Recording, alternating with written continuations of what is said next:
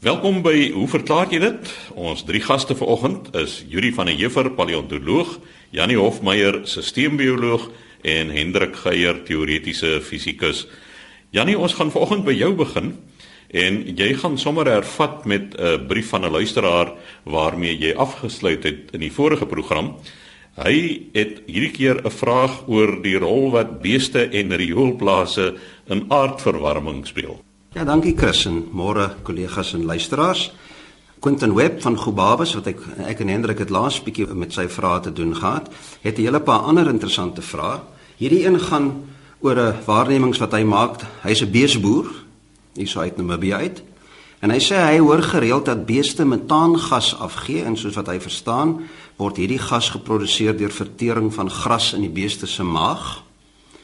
Dan sê voeg hy daarby dat 'n paar jaar gelede hy die rioolplaas in Mitchells Plain besoek het waar hy gesien het hoe gasse wat deur ontbinding van menslike reste geproduseer word, verbrand word. Nou wil hy weet, is hierdie gasse dieselfde? Die rioolplaasgasse dieselfde as wat deur sy beeste geproduseer word en of dit wel dan 'n kweekhuisgas is? En indien wel, is hy bekommerd dat rioolplase bydra tot aardverwarming. Nou die gas wat deur beeste afgegee word, soos wat hy sê is die gas metaan. Dis die eenvoudigste koolwaterstofverbinding. Dis een koolstofatoom met 4 waterstofatome daarin gebind. So metaan is die eenvoudigste koolwaterstofverbinding en dit bestaan dan uit een koolstofatoom wat aan 4 waterstofatome gebind is en dit is inderdaad 'n belangrike kweekhuisgas.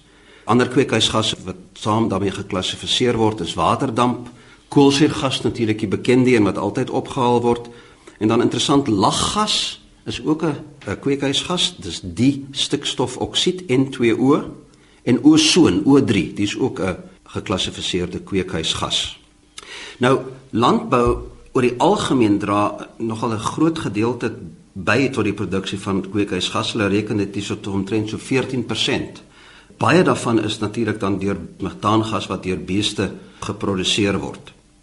So die beeste gee die metaan af hoofsaaklik deur wind op te breek en minder deur flatulensie en dit is 'n enorme hoeveelheid eintlik wat 'n bees kan produseer. Hulle skat die hoeveelheid per bees per dag as 100 tot 200 liter, selfs 'n maksimum van 500 liter per bees. En as mens dink aan die miljoene miljoene beeste wat daar byvoorbeeld in Noord-Amerika rondloop, dan is dit 'n geweldige bydrae tot die landbou se gedeelte waar die landbou dan tot kweekhuisgasse bydra. Nou die vraag is hoe word die metaan geproduseer in die beeste? So mense moet besef dat beeste en skape en bokke uh, is diere wat bekend staan as ruminante. So dit beteken dat meer as een maag, in die geval van ruminante het hulle 4 maag en hulle verteer voedsel in hulle maag eerder as in hulle darmes soos ons. Ons die voedsel word deur suur in die maag gedeeltelik afgebreek wat meeste van die vertering vind in die dun darm plaas deur ensieme wat dan byvoorbeeld deur die pankreas geproduseer word. Maar in die geval van hierdie ruminante, eet hulle die kos, dit gaan in die maag in, dit word daar hoofsaaklik deur bakterieë afgebreek, bring hulle dit weer op as 'n herkousel en dan eet hulle dit weer, so dit gaan so heen en weer tussen kou en vertering in die maag en dis gedurende hierdie proses wat die bakterieë dan onder anaerobiese toestande produseer hulle metaan en die metaan word dan soos wat die beeste die herkousel weer opbring, kom die metaangas dan vry. Nou wat die rioolplaas aanbetref, is dit presies dieselfde proses. Met ander woorde, dit gaan daaroor dat menslike reste verteer word deur bakterieë onder anaerobiese kondisies en dan ook metaangas produseer. En daardeur kan hulle natuurlik beslis bydra tot die toename in kweekhuisgasse en natuurlik dan die gepaardgaande aardverwarming. Tot watter mate die rioolplase bydra, die kon ek geen inligting oor kry nie, so dit weet ek nie.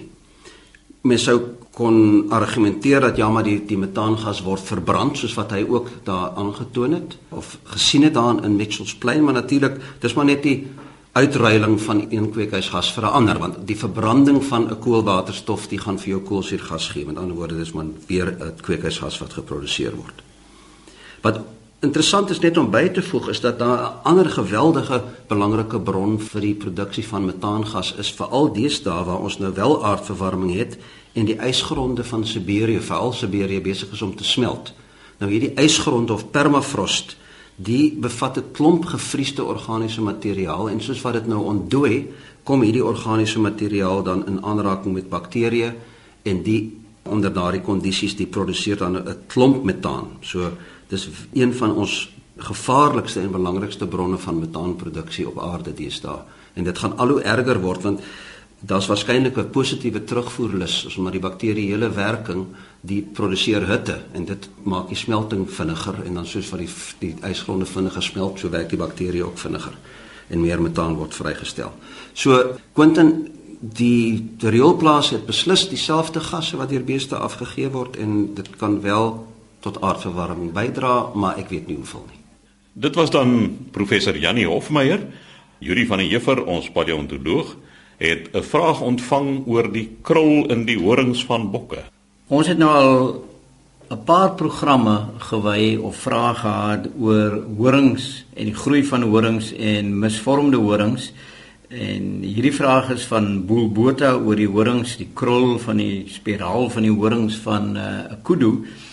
En interessant genoeg, ek was onlangs in Namibië gewees en die dag toe ek daar aankom, toe is daar fotos in die Republikein Donderdag 18 Julie 2013.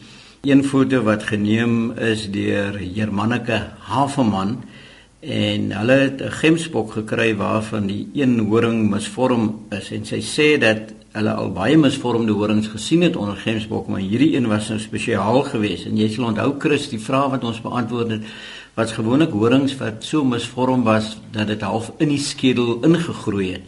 En hierdie horing van die gemsbok lyk amper meer soos die van 'n merino skaap of dit geneties is en of hy op 'n jong stadium seer gekry het, weet ons nie, maar hy krul na buitentoe om in 'n baie mooi spiraal net soos 'n skulp en hulle sê self dat hulle nog nooit so frats gesien het nie, maar dis nou interessant want 'n uh, jagter van Stellenbosch, Boelbota, het ons genader en gesê uh, hy wil weet oor die spiraalvorm waarin kuduhorings groei. En sy bewering is dat die kudu se horing aan elke kant 'n perfekte spiraal vorm sodat wanneer jy nou by 'n dooie kudu staan en jy kyk van die horingpunt af in hierdie spiraal tonnel af, dan sien jy die kudu se oog. En die storie is of die uh, openbare, sal ons maar sê, mite is dat die kudu gebruik dan daai tonnel om in die horing langs op te kyk na boontoe. Want sê boel as jy nou kudus jag dan soek jy dikwels as jy onder bome deurloop vir klein takkies wat afgebreek lê. En sy argument is dat die kudus hou van daai vars dun takkies wat hulle graag eet. En hulle kyk dan op in hierdie tonnel wat die spiraal van die horing maak sodat hulle die takkies kan afbreek om te eet. Of as jy nou onder 'n boom kom en daar lê sulke takkies dan weet jy hier's 'n kudu in die omgewing. Nou ek het nou probeer gesels met mense. Een van my studente toevallig Berend Burger van Stampriet in Namibië is ook 'n jagter en hy het hierdie stelling beamoen dat die kudu horings sulke windings maak. En toevallig was ek onlangs in Namibië. Ek het tuis gegaan by die bekende windhoekse paartjie Willem en Rita Moore En ons het hieroor gesels. Hy het ook 'n kudu kop in sy huis en uh, dit is duidelik as jy van die kudu se oog se kant af korrel, dan sien jy hierdie tonnel in die spiraal na boontoe. En toestel Willem voor, maar as ons nou terug gaan lughawe toe, moet ons aanry by meneer Lou Nel van die Trofeendienste Taksidermie Namibië net buite Windhoek. En Chris, jy sal dit nou geniet. Dis 'n plek waar al die trofeejagters van oorsee af hulle diere en dierekoppe en kudu koppe laat bewerk sodat hulle nou met hierdie trofee daar in die verre kan spog. Daar's een muur in 'n baie groot saal wat vol klaar kudu koppe is. So ons kon daarna kyk. Ons kon kyk na die spiraalhorings van 'n kudu in die proses van verwerking en hy het ons ook toegelaat om te kyk na skedels wat nog niks aangedoen is nie. En dis waar. As jy by so 'n kop gaan staan en jy hou jou oog by die kudu se oog, dan kan jy werklik dwarsteer daai tonnel opsien na boontoe, maar daar's probleme, dink ek. En die skedel het die oogkas het so 'n uh, rand bokant dit en dan kom die vel nog oor en dan jy die ooglede. So dit lyk regtig nie asof die kudu sy oog kan draai dat hy boontoe kan kyk nie. En hy kan ook nie sy kop draai nie want die horings is vas aan die kop. So daar's altyd 'n spesifieke hoek tussen die oog en die horing. So wanneer jy die kop draai, draai die horingpunt en dan daai tonnel in die spiraal draai saam. So dit lyk regtig nie of 'n kudu dit kan doen nie. Een jagter het my gesê die kudu as hy voel sy horings raak aan die takkies onder 'n boom, dan ruk en pluk hy net om los te kom en dan dan eet hy nou die takkies. 'n Ander klomp inligting kom natuurlik van die boogjagters. Die sê weer hulle sit in bome en lê die wildsbokke voor in spesifiek kudus wat hulle dan nou met 'n pyl en boog vermoor. En die een ding wat hulle nogal die aksent op plaas is dat wildsbokke kyk nie op nie. Hulle beweer jy kan in 'n boom sit redelik laag as die kudu jou nie of die wildsbok jou nie ruik nie, dan gaan hy onder jou verbyloop en jou glad nie sien nie. Want en ek dink die verklaring as dit so is, die verklaring is waarskynlik dat die gevaar kom grondlangs. Al die roofdiere wat 'n kudu of 'n wildbok sal vang, hardloop op die grond. As jy 'n groot wildsbok is, kleiner wildsbokkies sal waarskynlik deur groot eh, vleisvredende voëls gevang kan word. So dis miskien 'n redelike aanname om te sê wildsbokke kyk nie op nie. En dit lyk dus dan asof hierdie idee dat hulle hier die horing kan opsien boontoe eintlik net 'n mite is dat dit uh, nie waar is nie. So boel ons het nou gehoor van taksidermie mense, ons het gehoor van die boogjagters en ek dink die oorwegende opinie is dat dit miskien net 'n mite is dat uh, dat kudu so kan kyk. Ai Juri, ek is nou jammer, ek het nou regtig gedink dit gaan nou die eerste voorbeeld wees van tonnelvisie. maar blykbaar het hulle nie tonnelvisie nie. Nou ja, dit was dan Yuri van der Heever, ons paleontoloog. Laaste aan die beurt vandag is Hendrik Geier en Hendrik, jy het 'n skrywe ontvang oor Halley se komeet. Ja, dit is so Chris, die skrywe kom van DP Pretorius van Kokanje. As ek dit nie mis het nie, is Kokanje 'n aftreë dorpie naby of by Nylstroom of terwyl Modi Molle soos dit deesdae bekend staan. Nou wat die luisteraar skryf Chris is die volgende ek lees maar letterlik hier voor enige jare gelede het Halley se komeet in die lugruim verskyn. Sterrekykers het voorspel hierdie komeet sal elke 80 jaar verskyn.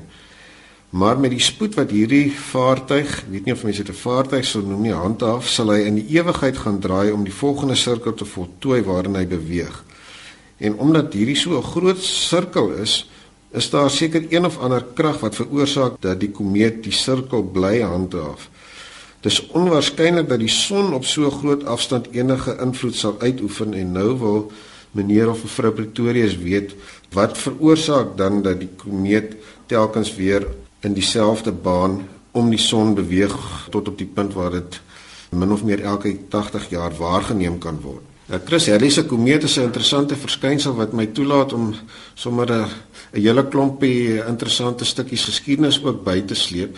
Kom ons gaan haal die storie by die eerste optekening van die verskynsel van komete. Die lyk vir my kan 'n mens terugvoer na die dae van Aristoteles, Griekse tye. Dit is hy wat ook die terminologie begin gebruik het in Grieks kometes oftewel sterre met hare. Nou Aristoteles was van mening dat komete atmosferiese verskynsels was en soos met sulke periodieke verskynsels of kom ons sê dan maar ten minste nie alledaagse verskynsels nie is daar allerlei stories wat daar rondom ontwikkel het eh, so sou komete dan onderskeidelik die draers van slegte nuus pestilensies of goeie nuus wees na gelang van wie die interpretasie gemaak het. Een van die beste voorbeelde hiervan is die groot komeet wat in 1066 verskyn het en op daardie stadium het Willem wat toe die hertog van Normandië was dit gelees as 'n teken dat hy Engeland moes inval.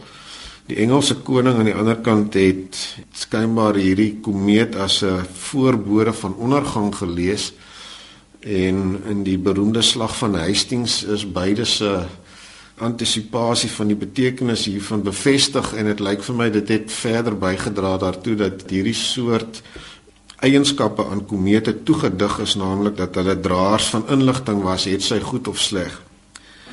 Dit bring ons by 'n volgende figuur in die verhaal van die verstaan en interpretasie van komete, naamlik die beroemde Deense sterrekundige Tycho Brahe wat in 1577 'n groot komeet waargeneem het en deur van sogenaamde parallakswaarneming gebruik te maak. Dit beteken eenvoudig jy bestudeer die posisie van een voorwerp relatief tot ander agtergrondvoorwerpe terwyl die voorwerp wat jy bestudeer beweeg en op die manier as jy kennis het sê maar oor die agtergrond kan jy agterkom hoe ver die bewegende voorwerp van jou af is.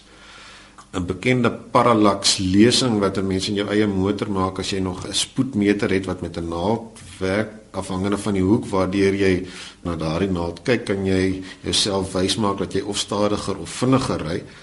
Ehm hoe dit ook al sê Tycho Brahe het deur so 'n parallax waarneming van die komeet en terloops hy was toe al terdeur daarvan bewus dat die komeet se ster altyd weg van die son af wys. Deesdae verstaan ons dat dit met die sonwind te maak het, maar hy het toe al die vermoede gehad dat dit nie 'n atmosferiese verskynsel was nie. En toe hy in die proses agterkom dat die komeet baie verder as die maan van die aarde af verwyder is, so ver soos byvoorbeeld omtrent Venus het hy die afleiding gemaak. En was dit baie duidelik dat komete nie 'n atmosferiese verskynsel was nie, maar 'n buiteruimse deel van die sonnestelsel. Terloops eh, Tycho Brahe het 'n uh, baie kleurryke lewe gehad, soveel so dat hy byvoorbeeld sy neusbrug in 'n swaard geveg verloor het en die argument waarin dit gebeur het, glo dit as jy wil het te maak gehad met die geldigheid van 'n wiskundige formule. So um, hy was iemand wat sy wiskundige formules baie ernstig opgeneem het.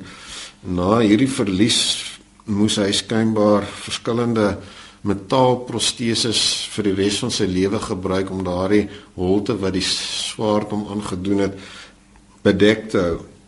In 'n geval, so hier teen die middel van die 16de eeu was dit toe al duidelik dat komete nie soos Aristoteles beweer het atmosferiese verskynsels is nie. Nou dit bring ons by die kort antwoord op die vraag wat ons van DP Pretorius gekry het. Dit is inderdaad swaartekrag en die son se swaartekrag wat sorg dat die komeet in 'n spesifieke baan relatief tot die son bly beweeg. Ek kom weer daarby terug. Nou ons weet dat die beroemde Engelse fisikus en wiskundige Newton in sy groot publikasie van 1687 die Principia die analise gemaak het wat ons vandag ken as die algemene wet van swaartekrag en dit sê eenvoudig dat alles wat massa het op enigiets anders wat massa het, 'n krag uitoefen oor 'n afstand en terloops daardie afstand is inderdaad onbeperk. Die krag word inderdaad swakker na mate die twee massas wat hierdie invloed onderskeidelik op mekaar uitoefen van mekaar verwyder is. Ons het al dikwels hieroor gepraat dat dit kwadraties afneem met die afstand. Met ander woorde as die krag 'n sekere grootte op 'n spesifieke afstand het, sal daardie krag 4 keer kleiner wees wanneer die afstand 2 keer groter word, 9 keer kleiner as die afstand 3 keer groter word en dis meer. En verder is dit direk eweredig aan die massa, so as die een massa wat die krag uitoefen skielik vervang word deur een met 2 keer die massa, sal die krag 2 keer so groot wees en dis meer. Nou vir alledaagse verskynsels sien ons eenvoudig nie hierdie effek nie. Byvoorbeeld as jy twee metaalballe op 'n oppervlak sou neersit, 'n tafeloppervlak byvoorbeeld, dan sien jy nie dat die een die ander een aantrek soos wat 'n magneet dit byvoorbeeld sal doen en dat hulle uiteindelik by mekaar uitkom nie. Maar dit is omdat daardie krag vir gewone uh, lewensgrootte objekte so bitterlik klein is.